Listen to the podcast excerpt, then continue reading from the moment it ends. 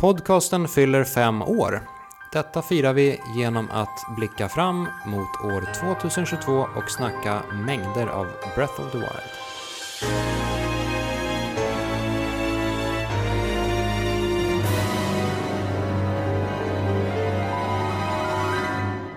Hej och välkommen till Loadings podcast avsnitt 162 med mig David Grundström och Viktor Sjöström.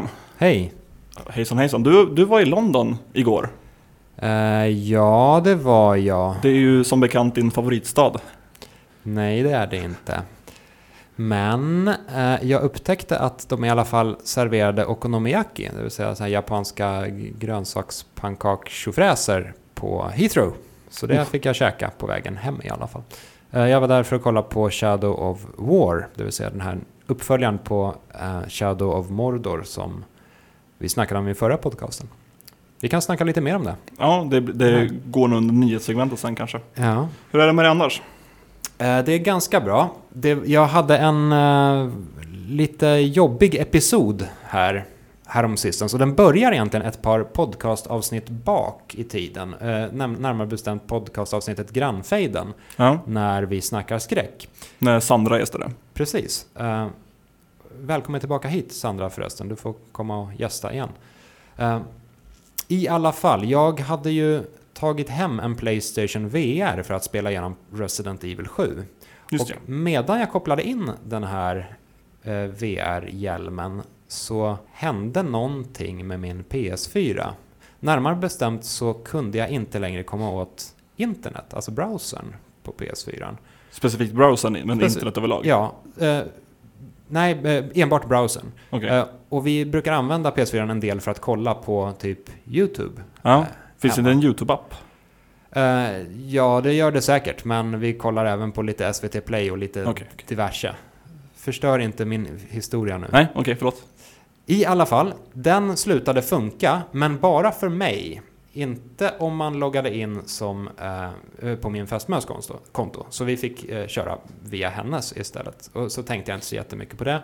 Eh, jag sökte lite på felmeddelandet jag fick och det stod att det hade någonting att göra med Playstation Camera.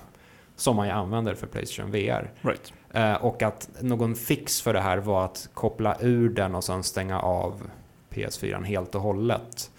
Eh, I alla fall, sen skulle PSVR tillbaka till redaktionen på Reset Media, så jag ryckte ut den och tog med den hit. När jag sen skulle starta min Playstation så gick den inte att starta längre, utan jag fick en, ett felmeddelande mot svart skärm eh, och när jag började spåra det felmeddelandet så antog den att jag hade bytt ut hårddisken. Eh, Vad dumt ja, och att att göra det. och att den därmed behövde installera eh, version 4. Vad är det? 4.07 var det. Eh, eller högre på ett USB-minne. Då gjorde jag det, plockade över den versionen på ett USB-minne. Då fick jag ett annat felmeddelande som sa att eh, nej, du behöver en ännu värre uppgradering eller uppdatering på sticka som i princip spolar din hårddisk. Eh, så det var det jag fick göra. Och här har jag en teori. Ja.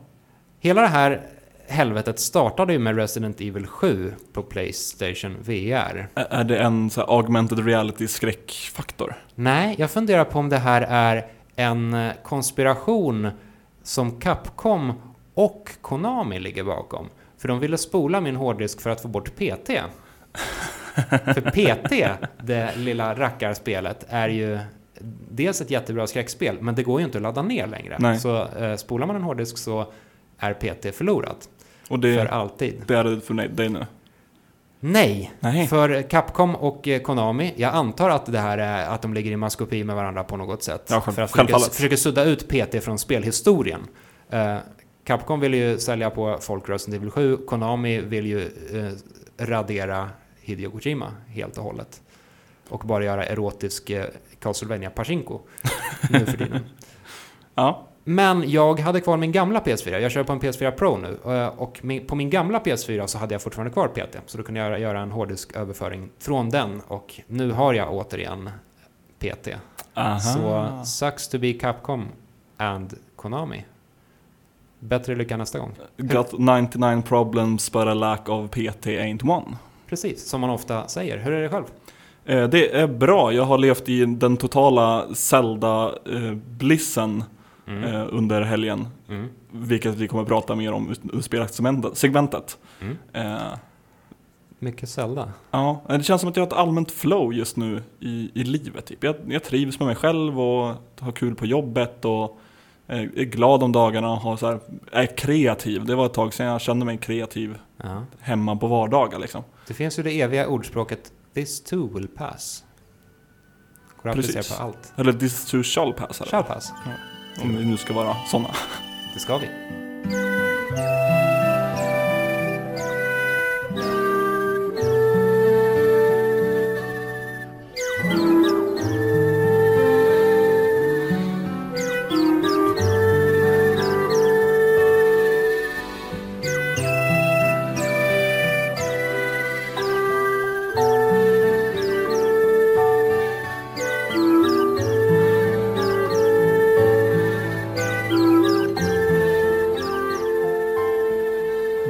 Har fått lite kommentarer på förra avsnittet. Mest klagomål skulle jag vilja säga. Ja, men det är väl eh, inte mer än rätt. Eh, Osksko, tänker jag väl att uttala det här på, skriver följande. Fortfarande besviken över att ni inte döpte podden till Loading Time vid övergången. Hur som, jag lyssnar varje vecka och tycker det är en bra podd.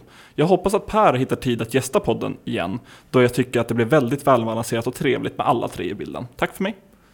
Tack så mycket. Det här var inte så mycket klagomål. Nej, jag tänkte mest på namnet. Ja. Loadings podcast, god damn it. ja, vi försökte väl mest göra en så pass eh, sömlös övergång som möjligt under dessa ändå lite konstiga omständigheter. Precis, samma podd, nytt namn. Ja. Fast inte så, Och ett, ett namn, inte så nytt namn heller. Nej, precis. Ett namn i samma anda som det gamla namnet. Precis. Eh, och gällande Per, han är konstant välkommen tillbaka och vi snackar med honom till och från. Ja. Eh, inte alltid det har klickat riktigt. Men På det personliga planet. precis. Nej. Linus Lekander, jag, hade för, jag har föreslagit laddtid som, av, eller som podcastnamn. Ja, för min del så är inte ladd eh, ett slangord för koks, kokain. Oj! Ja, då skulle vi behöva byta inriktning. Ja. Eller bara, istället för att folk, det finns ju många som lyssnar på podcast med typ en gånger fem eller två gånger hastighet. Just ja. Eh. Johan eh, Hallstam bland annat. Ja, Samson Wiklund som har gästat podden också. Ja.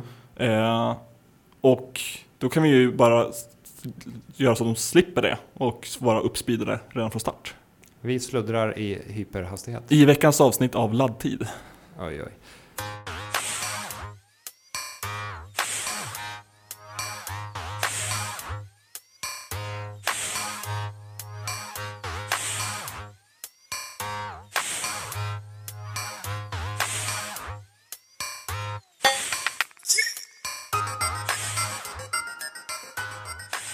Både du och jag har ju köpt en Switch på lanseringsdagen. Eh, det stämmer. Det stämmer, och vi är inte riktigt ensamma med det.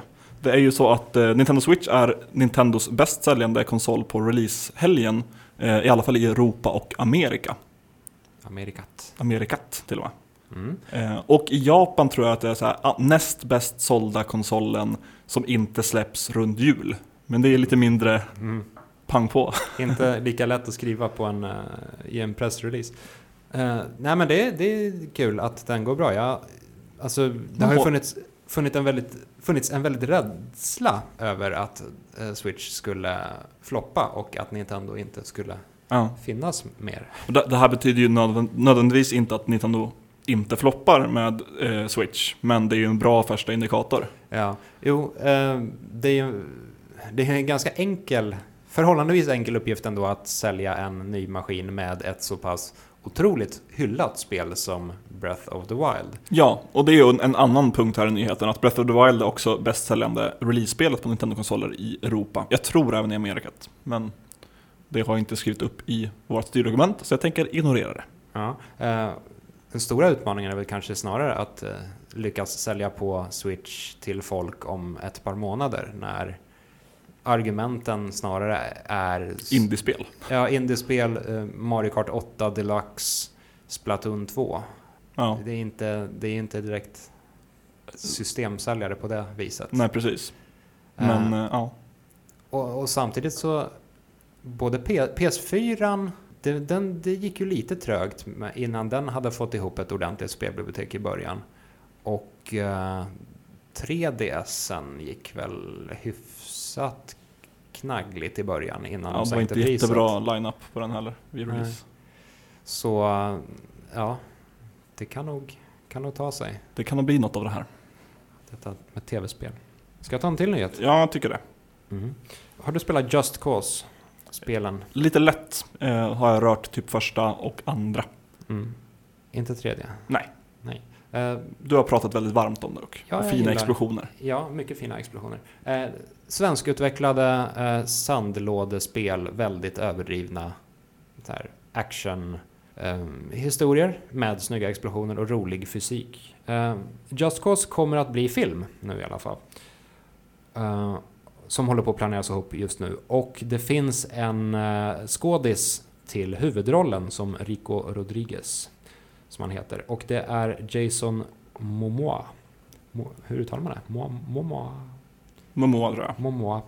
Det vill säga ingen mindre än Khal Drogo. Eller Conan i remaken. Just ja, eller var han inte med? Aquaman också. Ja, var han inte med i den där, vad heter den, Stargate också? Jo, han var med i Stargate Atlantis. Så heter den. Är det här, jag vet inte, tycker vi att det här är en bra, en bra skådis för den här rollen? Han är lite för, Han, han, lite han, för han känns inte... stor va? Ja, och han, han känns inte riktigt... Jag vet inte. Ja, nej, han känns inte rätt, kanske. Nej, jag, jag, jag tänker mig snarare Långt lite hår så här alltså. Antonio Banderas för tio år sedan. Ja, något åt det hållet i alla fall. Men, eh, Men här är vi nu. Jag vet inte om jag är så pepp på en Just Cause-film överlag. Jag är inte pepp på någon Uncharted-film heller för den delen. nej, Alltså, det, är, en- det är ganska konstig licens att bygga en film på. Ja, Men eh, å andra sidan kanske det är just de konstigaste idéerna som blir som har en förmå eh, förmåga och en potential att överraska en. ja, det återstår ju att se, Yes. helt enkelt. Det är även så att, ja, men du, du var ju i London för att titta på Shadow of War Just ja. Gameplay och den här uh, speldemon har de ju släppt till, till publiken idag den 8 mars när vi spelar in. Mm. Så jag tänkte att vi kunde prata lite om det. Mm, mm. Eh, hur- var det? Du hade spelat det första. Ja, det har jag och vi tycker båda om det. Det är mycket roligt. Eh, och det här bygger ju vidare på det, fast Mm. mer just krigsföring snarare än kanske smyga runt så mycket och, Mm. och slåss. Shadow of Mordor, det första spelet då i den här serien, det var ju ett eh, lite Assassin's Creed-aktigt spel i en öppen värld. Fast man bra. sprang runt. Fast bra. Eh, när man sprang runt och dödade orcher och, och klättrade på saker, typ. Ja, Och det hade ett väldigt coolt Nemesis-system som gjorde att om en fiende dödade en så blev den fienden befordrad till någon slags miniboss. Och det, det, på så sätt skapades organiskt en, eh, ja, men en, någon liten storyline när man kunde... och ganska så skräddarsydd, eller det är nog fel ord, men eh, unik storyline just för dig som spelare. Mm. Eh, och det här är ju det enskilt coolaste inslaget i originalspelet. Verkligen. Eh, och naturligtvis är det det här de har spunnit vidare på även i, i uppföljaren. Då. Precis. Det var väl i förra avsnittet vi snackade om Shadow War-trailern. Mm. Eller om det var förrförra. Men Ja. Förra, ja. Eh, och där, där snackade jag lite grann också om att eh, de har utökat Nemesis-systemet för att innehålla followers också. Mm. Och det här fick man ju, har man ju fått se då i, i gameplay-videon, Yes. eh, lite hur det fungerar. Man har ju en, en, en ring of power på Ja. sig. Och, och man undrar ju lite så här, vad, vad skulle tolken säga om det här? Tolken skulle ju verkligen rotera i sin grav. Ja, kanske det. Jag, jag har svårt att tänka mig att honom som sitter och så här mörsar Shadow of War och bara Det här är fett. hugger huvudet av orcher så Wow, blodet wow. sprutar. Och så, Fuck yeah! Precis. Men, men med den här ringen i alla fall så kan man ta över, eller ja men jo, ta över blir ett bra ordval, andra orker. Mm. Eller orcher som du väljer att uttrycka det. Ja, just det. Eh, och helt enkelt bygga upp en armé med egna eh, war chiefs och eh, ja, ett ranksystem helt enkelt. Ja. ehm, och de här followersarna, de kan göra olika saker. De kan ju... eh, de kan förråda en, till exempel, och Japp. gå över till fiendens sida igen. Ehm, vilket då skapar någon slags eh, hämnd... hämnd-storyline. Men så Ja. här, ja, ja, och det användes ju i den här lilla gameplay-trailern då. Så här, jag blödde för dig men eh, Precis, The din- Dark Lord gjorde mig till en necromancer och nu är jag stark. just idag är jag stark. Just idag är jag vacker. Eh, Eh, och de kan även offra sig eller riskera sitt liv för dig. precis, kan, kan eh, vinna, vad heter det? Tå- Tålamod höll jag på att säga. Vinna tålamodet. Det, det, det är fel. De, de, de kan eh, vinna respekt för dig och Mm. de kan även bli så här vänner med den. Ja. Eh, Eh, och så kan man belöna dem också. Eh, om man till exempel tar över ett, ett, ett fort så kan man sätta en, en follower på att härska över det fortet. Och beroende på vilken follower man tar då så utvecklas fortet åt olika håll. Precis, och de tillhör olika klasser som då gör vissa saker med omgivningen. Och det Ja. verkar, jag, vet, jag har inte riktigt fått grepp över hur spelet ska fungera emellanåt. Men vad man fick se är att man får välja massa olika fort att attackera och ta över. Mm. Eh, och, och hur mycket gameplay där, däremellan Nej, precis. För är lite otydligt. ja, det första spelet byggde just på en sömlös öppen värld Ja. som man sprang runt i. Här fick man bara se vad som närmades lik, närmast såg ut som en instans. Ja, Att det var en, en eh, begränsad eh, isolerad bana som var ett fort som man tog över. Eh, Och jag, jag hoppas ju att de inte överger den öppna världen ändå. Nu, vet, Ja. alltså nu har vi visserligen fått tusen miljarder öppna världar. bara den här spel, månaden. Bara den här månaden. Men jag, jag tyckte att det funkade bra i första spelet. Ja, jag, jag, jag är inte helt rädd för att de överger det. det. Det kanske kan göras bra. Och att det blir mer fokus på eh, intensivitet. Att det blir Mm, kort men intensivt. mm. Och det, det ver- verkar lite ballt allmänt med, med Nemesis-systemet satt så mycket i center. Att eh, man får en, en egen upplevelse och de bossar som är från början är inte några standardbossar som alla har och sen ersätts utan det är unika just för dig och de eh, justerar de här forten. Till, ja, till, till viss mån i alla Ja. fall. Sen finns det väl vissa... Det finns absolut begränsningar på det. Ja. Men eh, du kan Ja. inte kolla upp en, en strategiguide på hur du besegrar bossen på just det här slottet kanske. Återstår att se hur många olika varianter och möjligheter som finns. Ja. Men det är, det är ett väldigt intressant system som man önskar att fler utvecklare eh, skulle kopiera. Jag snackade lite med Monolith just i London då också och frågade så här, vil, vilket spel skulle du vilja se Nemesis-systemet i om du inte fick se det i Shadow War? Jag var på, eh, jag fick Diablo som svar. Se det i Diablo. Super Mario. Ah, det vore inte helt fel. En, en Koopa som blir uppgraderad till en Mega Koopa? Jag vet inte. Ja. Men om om man då påverkar detta miljön också? Om man trillar ner i en grop? Då blir gropen Då- större. Precis, den uppgraderas till en, så här, en hel bana. Den befordras till en bana. Sen dör man på gud. igen så befordras den till en värld. Den stora gropvärlden. Och om man dör igen så blir det hela spelet. Super Mario Pit. Pit.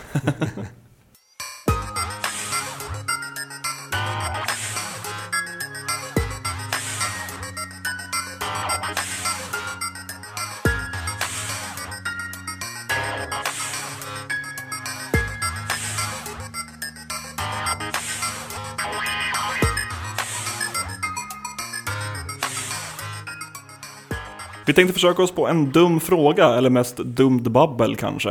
Eh, Det brukar väl bli så. Precis. Vi har skrivit så här. Vi tar DN-rubriker och byter ut ord i rubrikerna mot Super Mario. Hur påverkar detta nyhetsflödet och vår världsbild? Ja, får vi se en Super Mario Pit kanske? På, på engelska eller svenska? Ja. Ska jag börja då? Ja, gör det. Kinas utrikesminister varnar USA och Super Mario mot frontalkrock. Ja. Parterna är som två accelererande tåg. Var det Kina som varnade? Kina varnar USA och Super Mario mot frontalkrock. Är det här rimligt? Är Super Mario på väg att typ knocka Trump eller? Ja... Jag har svårt att tolka den här. Ja, jag är lite förvirrad. Eh, Den här då? Postnord begär 3 miljarder från Super Mario. Han... han har ju förmodligen det ganska väl ställt med tanke på hur mycket pengar han har samlat in. Ja. vid det här laget. Men försvinner inte hans pengar varje gång han når 100? ja, just det. Ett- måste han offra sitt liv och typ få tillbaka mynten alla Sonic när han tar skada? Ja, om, om man inte spelar eh, New Super Mario Bros 2. Okej. Yes. Men, men vad har han gjort för att samla ihop den här skulden? Ja, det kanske har något med USA att göra. Kanske. Och frontalkrocken. Eller att, eller att han har så, här, eh, fejkat eh, avsändaradress till den det egentligen ska till. Och skrivit att han skickar det till, till Super Mario, inte frankerat det och avsändaradress till faktiska destinationer. Ja. S- Ska vi ta en till? ja, visst. Super Mario gripen efter stor insats vid universitetet. Vad var insatsen om? Är det svamp? Ja, Det, det var svamp. det var ju det. Eh, ja. Den här då. Sverige är bästa landet för Super Mario. Det kan man väl ändå på något sätt ehm, argumentera för. Nintendo har ju haft en väldigt stark fanbas historiskt sett i Sverige. Nintendo-klubben till exempel. Ja. 400 000 medlemmar under 80-talet. Inte illa Ber- pink. Bergsala överlag har varit, varit väldigt duktiga på att etablera sig under, Mm. under starten. Sprider myter om Super Marios feghet. Han är inte så modig som man tror. Precis. Är det Luigi, Luigi som sprider myterna? Är det han som är lite avundsjuk? Mm.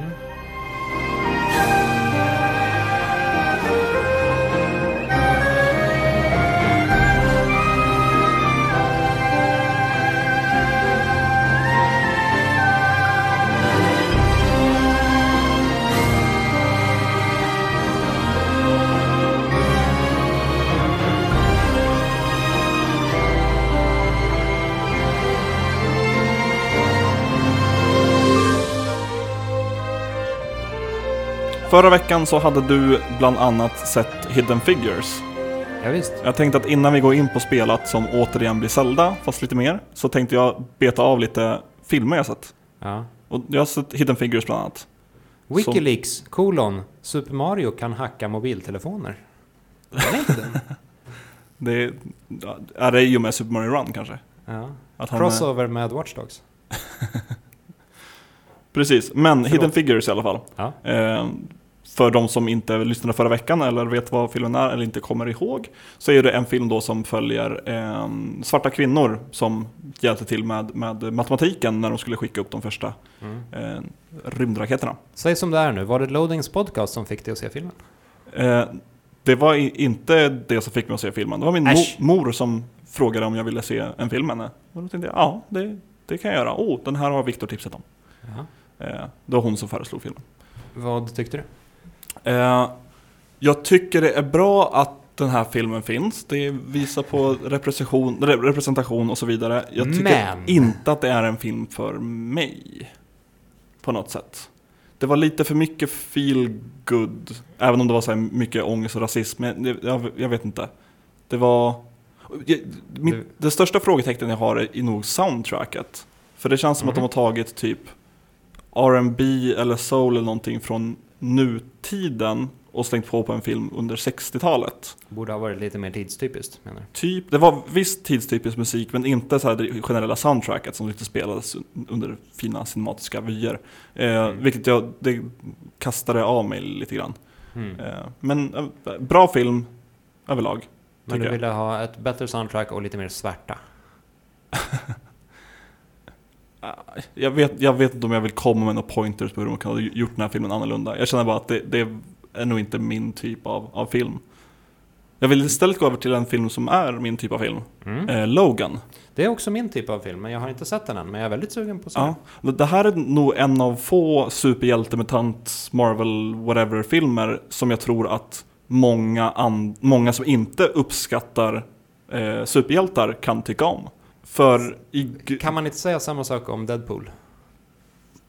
På ett helt annat sätt, Jo, i och för sig. jo, kanske. Absolut. Men det, det, ja, det är mycket där, eh, speciellt andra akten, och my- mycket så att de drar in X-Men, no, något litet, och eh, hela, han ska göra en superhjältelandning, eller hon ska göra en superhjältelandning i slutändan. Mm. Eh, som jag Just det. tycker är ganska mycket superhjältefilm. Medan Logan mer handlar om, det är en, en eh, 18-årsgräns eller 15-årsgräns antar jag i Sverige på den. Mm. Eh, och det är svordomar, mycket blod och Mm. mycket svordomar för den delen. Lite kort, om man inte har någon aning om vem Logan är och vad som händer. Vad är det här för en film? Eh, Logan är ju den sista Wolverine-filmen, eller sista filmen med Wolverine som spelas av Hugh Jackman. Mm. Eh, en X-Men som har klor av eh, oförstörbart stål kallat adamantium, eller metall kallat adamantium. Mm. Eh, och i den här filmen så är det typ 20 år i framtiden eller någonting. Eh, mutanter har mer eller mindre helt försvunnit från jordens yta.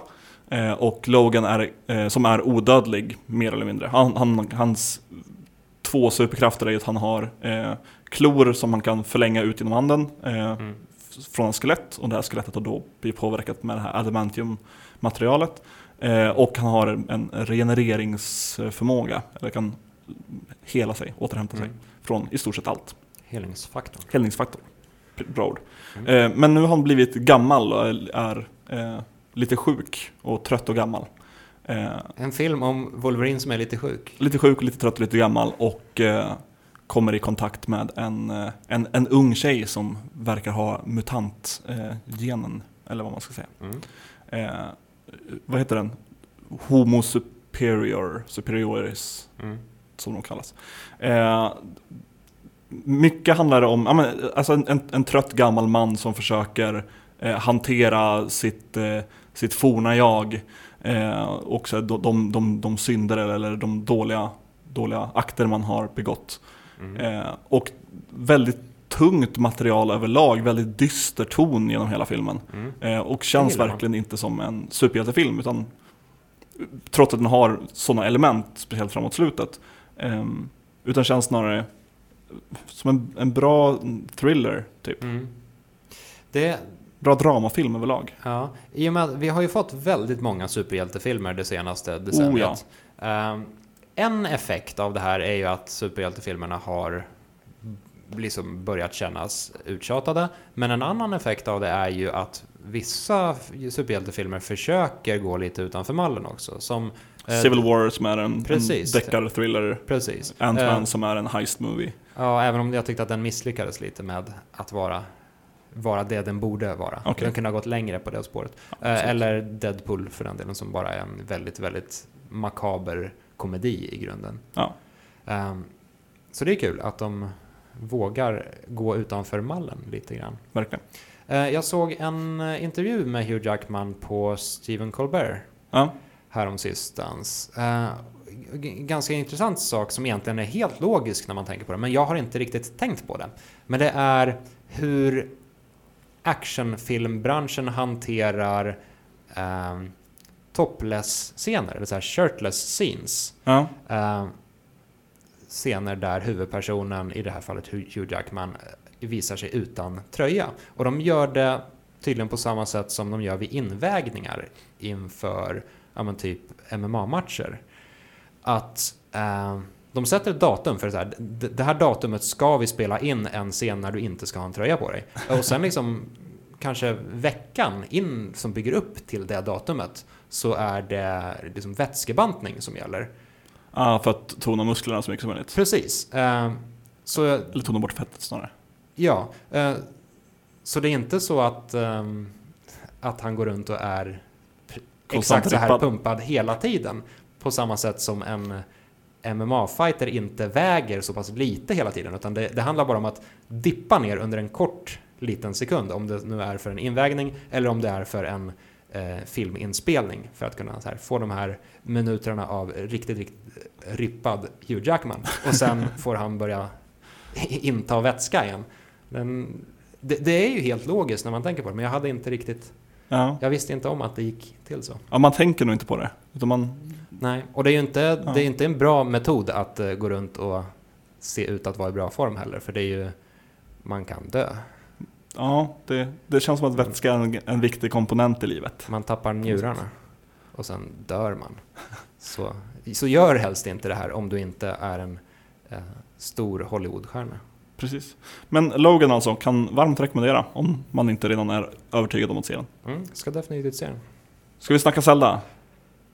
Nu är det dags. Nu, Eh, nu är det fan dags alltså. eh, nu är det dags igen. Ja, nu är det dags på riktigt. Ja, förra avsnittet Var det du som hade lätta intryck från att inte ha velat spela för mycket? Ja, ett avsnitt som vi döpte till The Legend of Zelda colon Breath of the Wild. Ska vi köra The Legend of Zelda colon Breath of the Wild 2? för det här Part, avsnittet? part 2. Adventure of Link. Precis. Ja, och förra avsnittet var, det, det fokuserade ganska mycket på de negativa sidorna av spelet. Jag är ju lite som funtad, att jag gillar Mm. att gräva ner mig i sånt. Precis. En av eh, sakerna du tog upp som var negativa antar jag att du har Antingen missförstod jag dig eller så har du upptäckt att du hade fel. Att eh, när man ska byta vapen, att man måste gå in i en meny och byta. Ja, det... Snarare var jag nog... eh, Ja, jag, antingen mindes jag fel eller så formulerade jag mig fel. Men det jag menar är att... ehm, när, när inventoriet blir fullt. Alltså hela vapenhanteringen tycker Ah, okej. jag är bristfällig. Okej, som jag tolkar det, för, för eh, man, man har en, en knapp, eh, man- D-paden till höger så kan man eh, Pausar man en strid och så får man välja mellan Ja, sina man vapen. kan, ja, man kan ju så här hot switcha mellan Ja. vapnen. Men när, ett, när hela inventoriet är fullt och man till exempel upp, öppnar upp en skattkista så måste man eh, så säger spelet åt en att nej du har inte plats längre, hej då. Och sen måste man ut igen ur Okej. skattkistan och så in i menyn och sen slänga vapen och sen in i skattkistan igen. Då förstår jag. ja, det, Ja. Det, det var inte, jag tycker fortfarande inte att det är helt optimalt. Ja, nej det stämmer nog att det inte är helt optimalt, men jag har inte stört mig på det så mycket. Eh, överlag så älskar jag det här jävla spelet.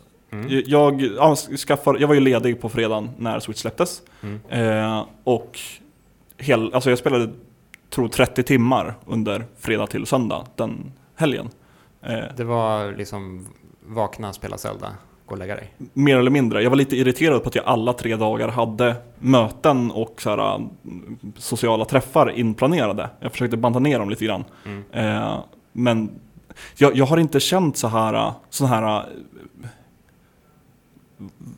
total inlevelse i ett spel på vet inte hur länge. Alltså jag känner mig som, som barn igen. Att tiden bara flyger förbi, jag glömmer bort att äta, jag glömmer bort att gå och lägga mig i, i rimlig tid.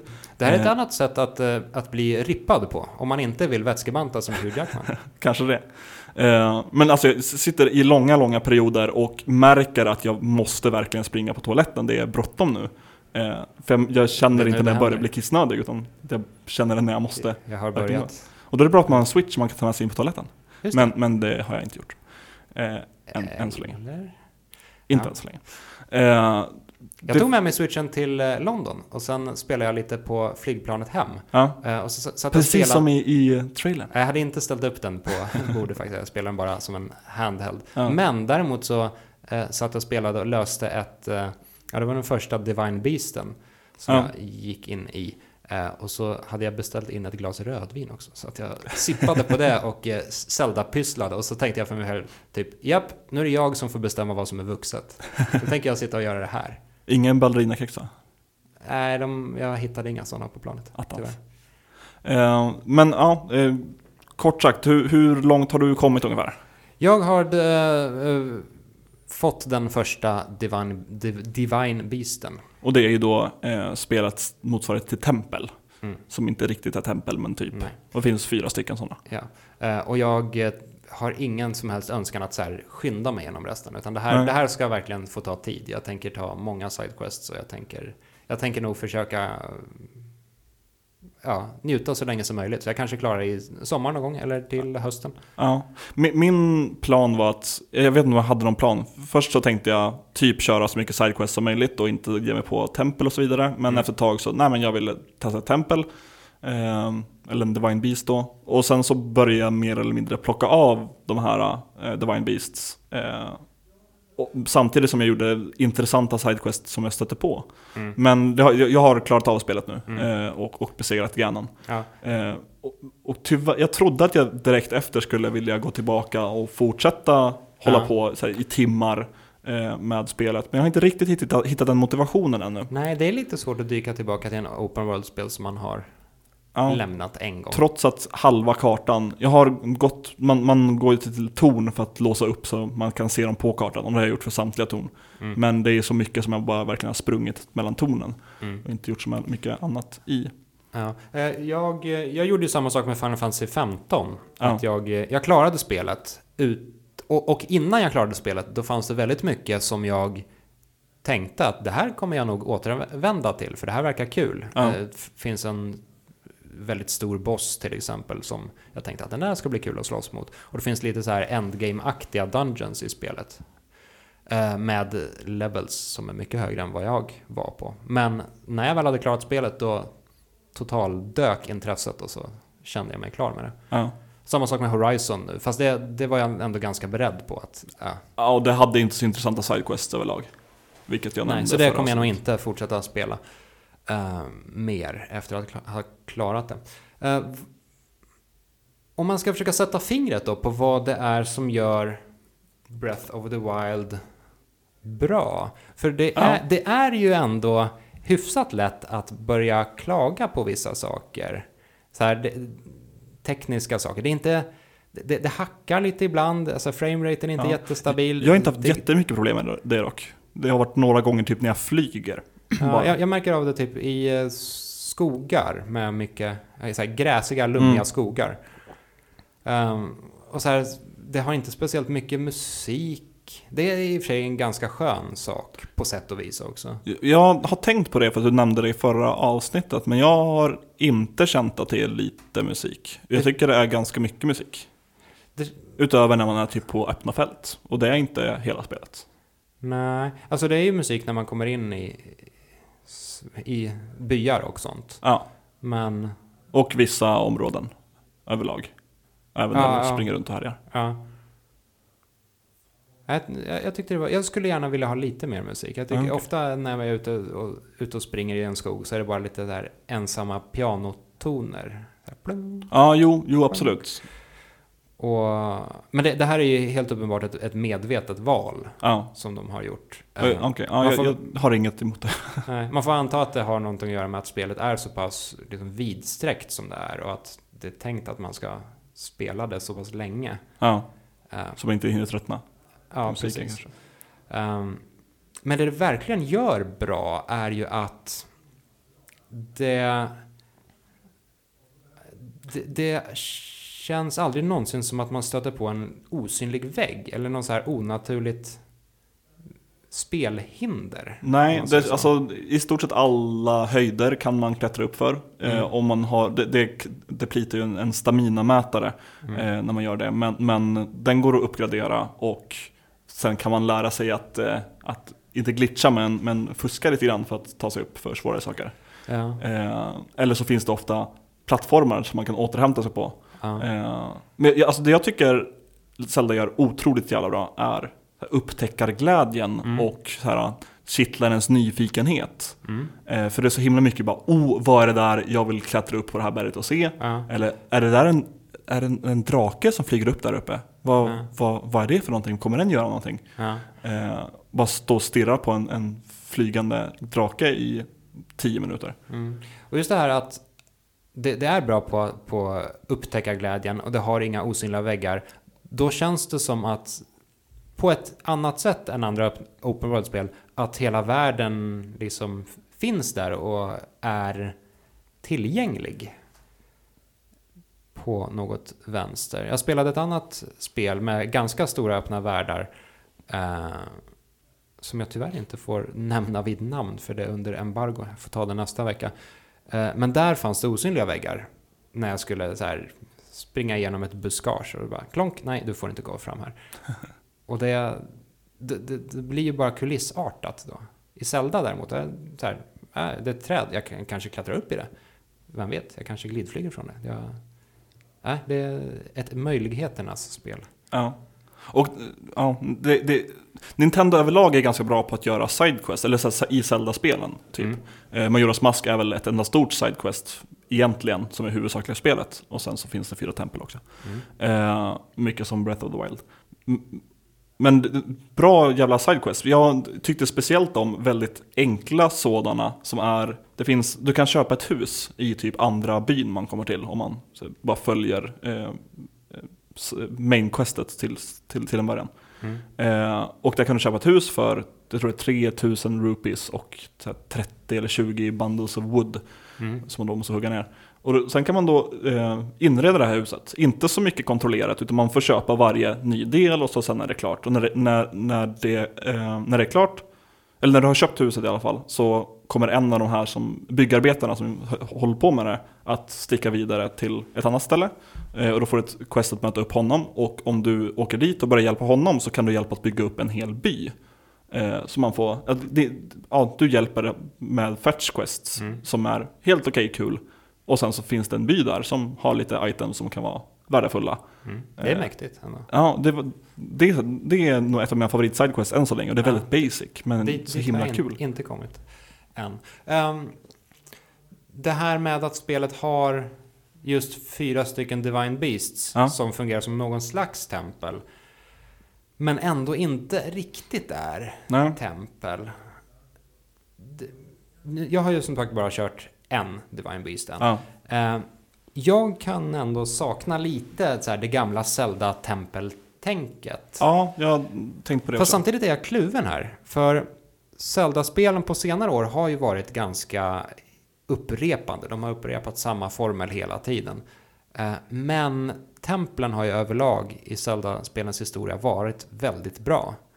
Och det, det finns något visst med att lösa ett riktigt bra Zelda-tempel. Ja, jag, jag skulle på något sätt vilja argumentera för att eh, Divine Beast i Breath of the Wild ofta har en eh, mindre straightforward mekanik för hur du löser templerna än det är i eh, många av de andra senare Zelda-spelen. Ja. Typ Wind Waker och framåt. Då har det varit ganska linjärt.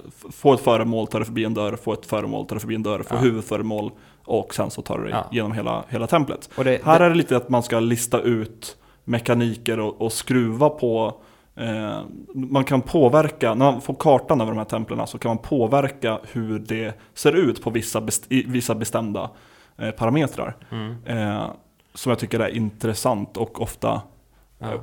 Det, kä- det känns lite mer analogt än digitalt i speldesignen på något Ja, vänster. precis. Jag är inte jätteförtjust dock i, i Divine Beast så måste man gå till fem stycken terminaler som man då måste hitta vägarna till. Mm. Eh, och när du gör det så kan du sen gå till en huvudterminal och sen möter man en boss.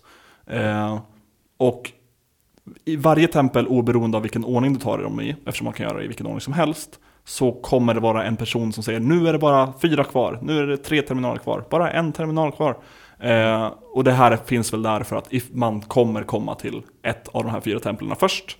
Eh, och då ska man veta om det. Men det, det stör mig att det är med i de andra tre Mm. på något sätt. Mm. Ehm, ja, jag är, jag är inte helt hundra på det här med Divine Beasts. Jag, Mm. jag, tror, jag tycker nog inte att det är en bättre lösning än vanliga Zelda-tempel. Det är en annorlunda lösning.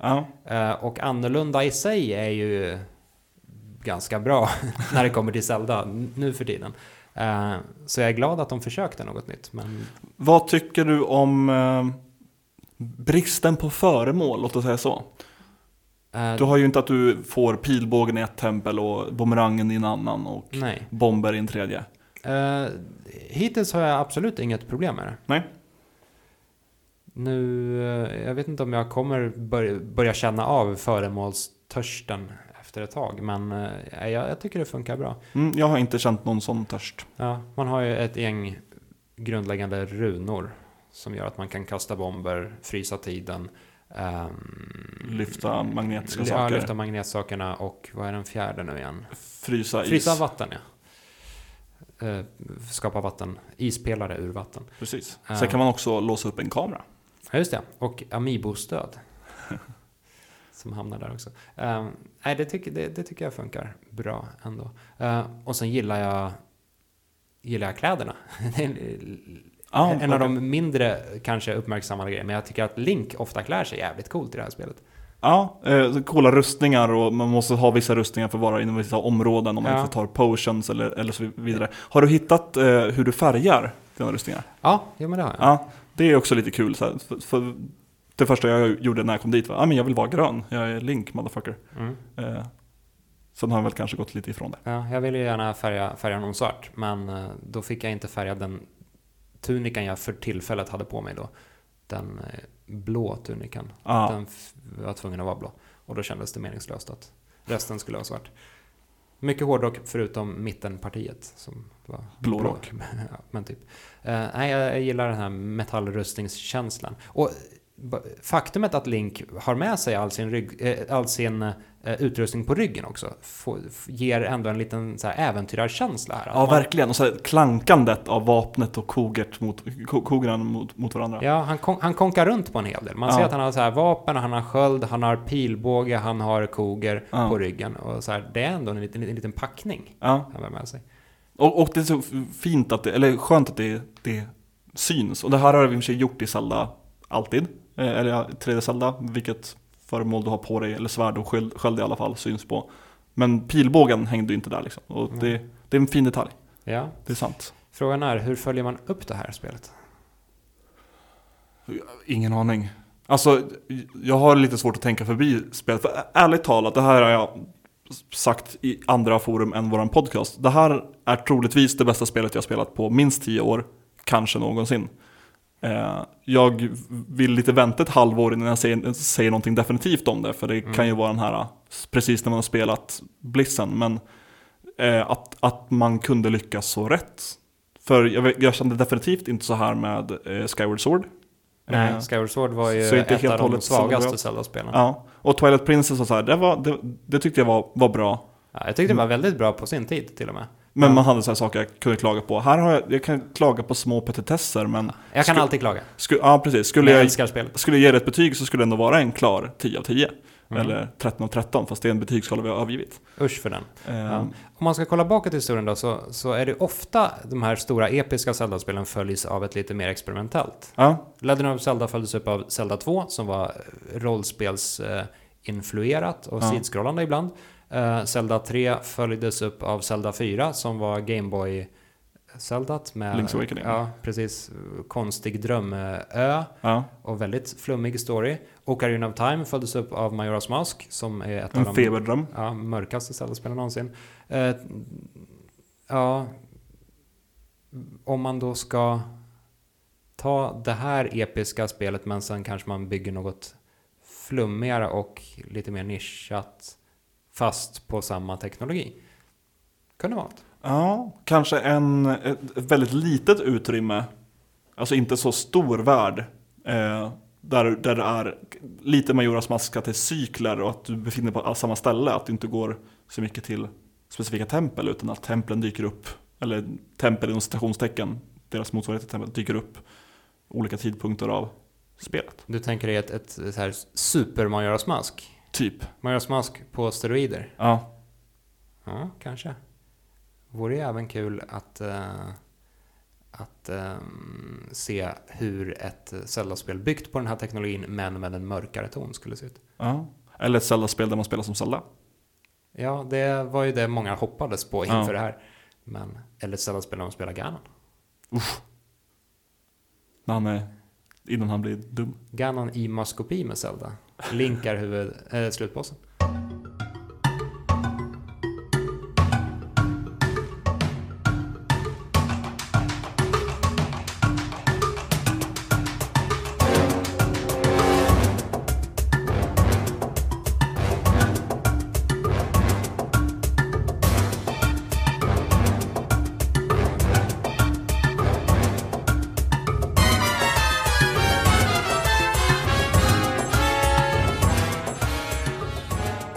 Tro det eller ej, men eh, den här podcasten firar fem år typ med det här avsnittet. Grattis till den här podcasten. Ja, och det är ju bara du som har varit med i fem år, men Ja, det här är ju en liten... dunk på ryggen.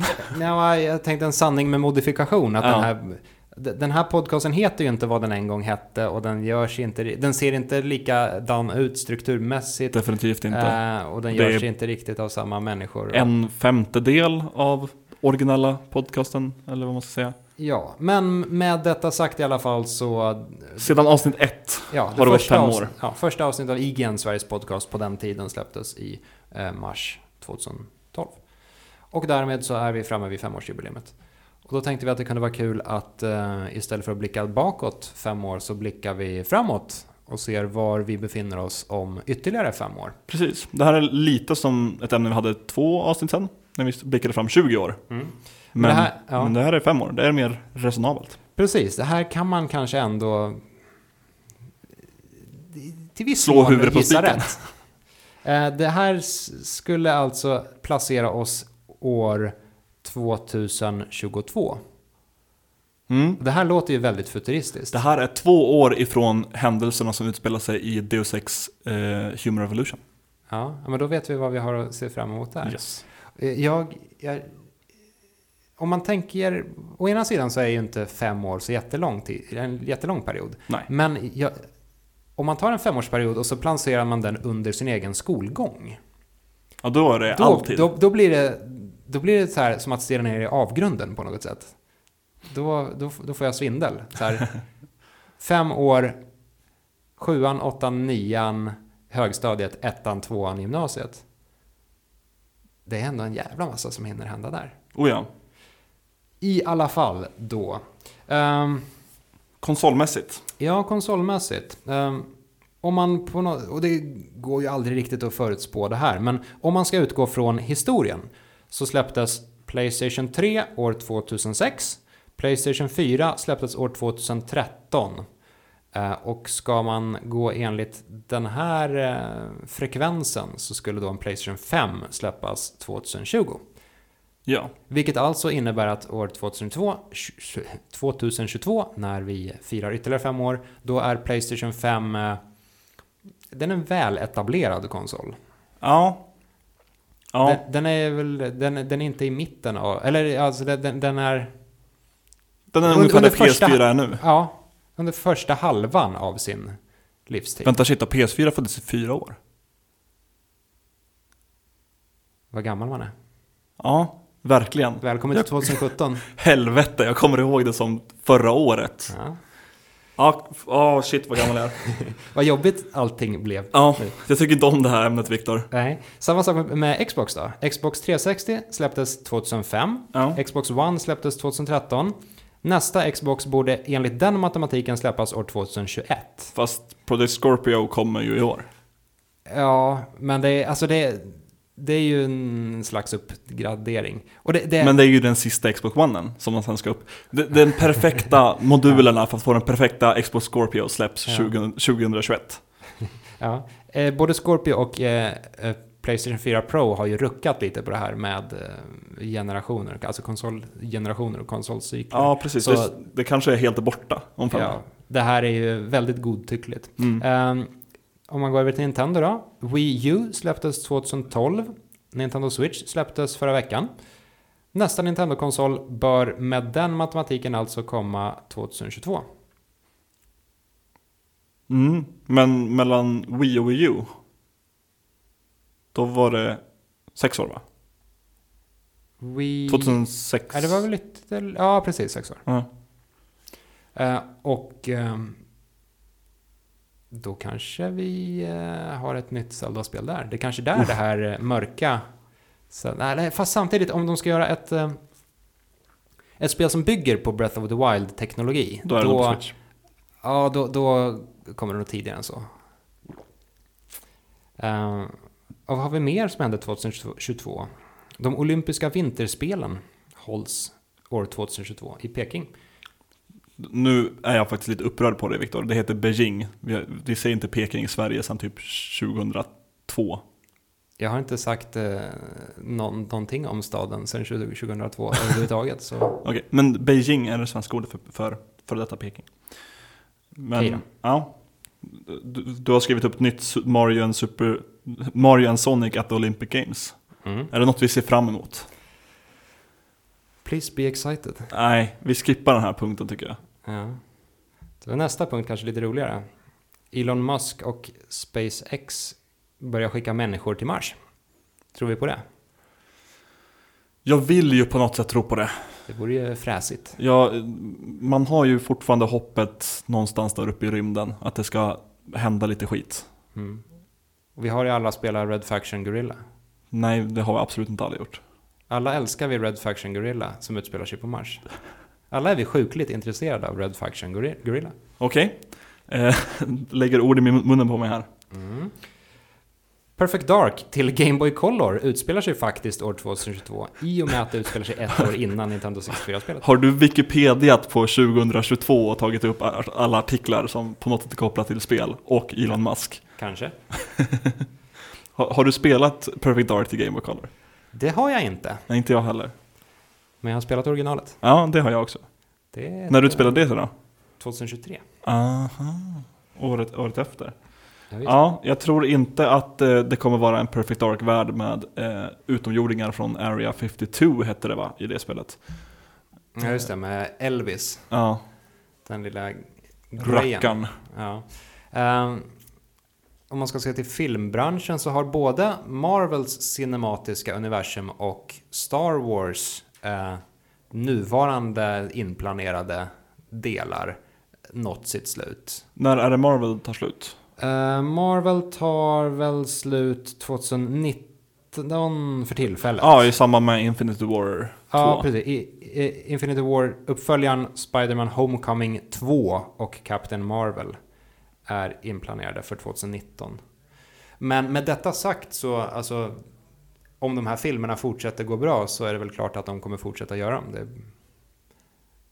jag, jag har ju svårt att tänka mig att de så här, Kommer nej, gå dåligt. en gång i tiden för typ 10 år sedan, då bestämde vi oss för att vi skulle göra filmer fram till 2019. Så nu klipper vi, klipper vi allt det här. Och, Kanske blir en till reboot då. Med eh, ny- nya, nya skådespelare. Ja, just det. Eh, och Star Wars eh, sequel-trilogin är avslutad. Eh, så vi har redan då sett The Last Jedi och den sista filmen. Eh, Episod 9 och vi har även sett den eh, fristående Sista filmen, filmen. Ja, eh, som kommer 2020 då. Eh, och det, i talande stund vet vi ju än- ännu inte vad den handlar om. Nej, det är Han Solo som är nästa Ja, fristående. Han Solo, Solo är film nummer, nummer två. Ja.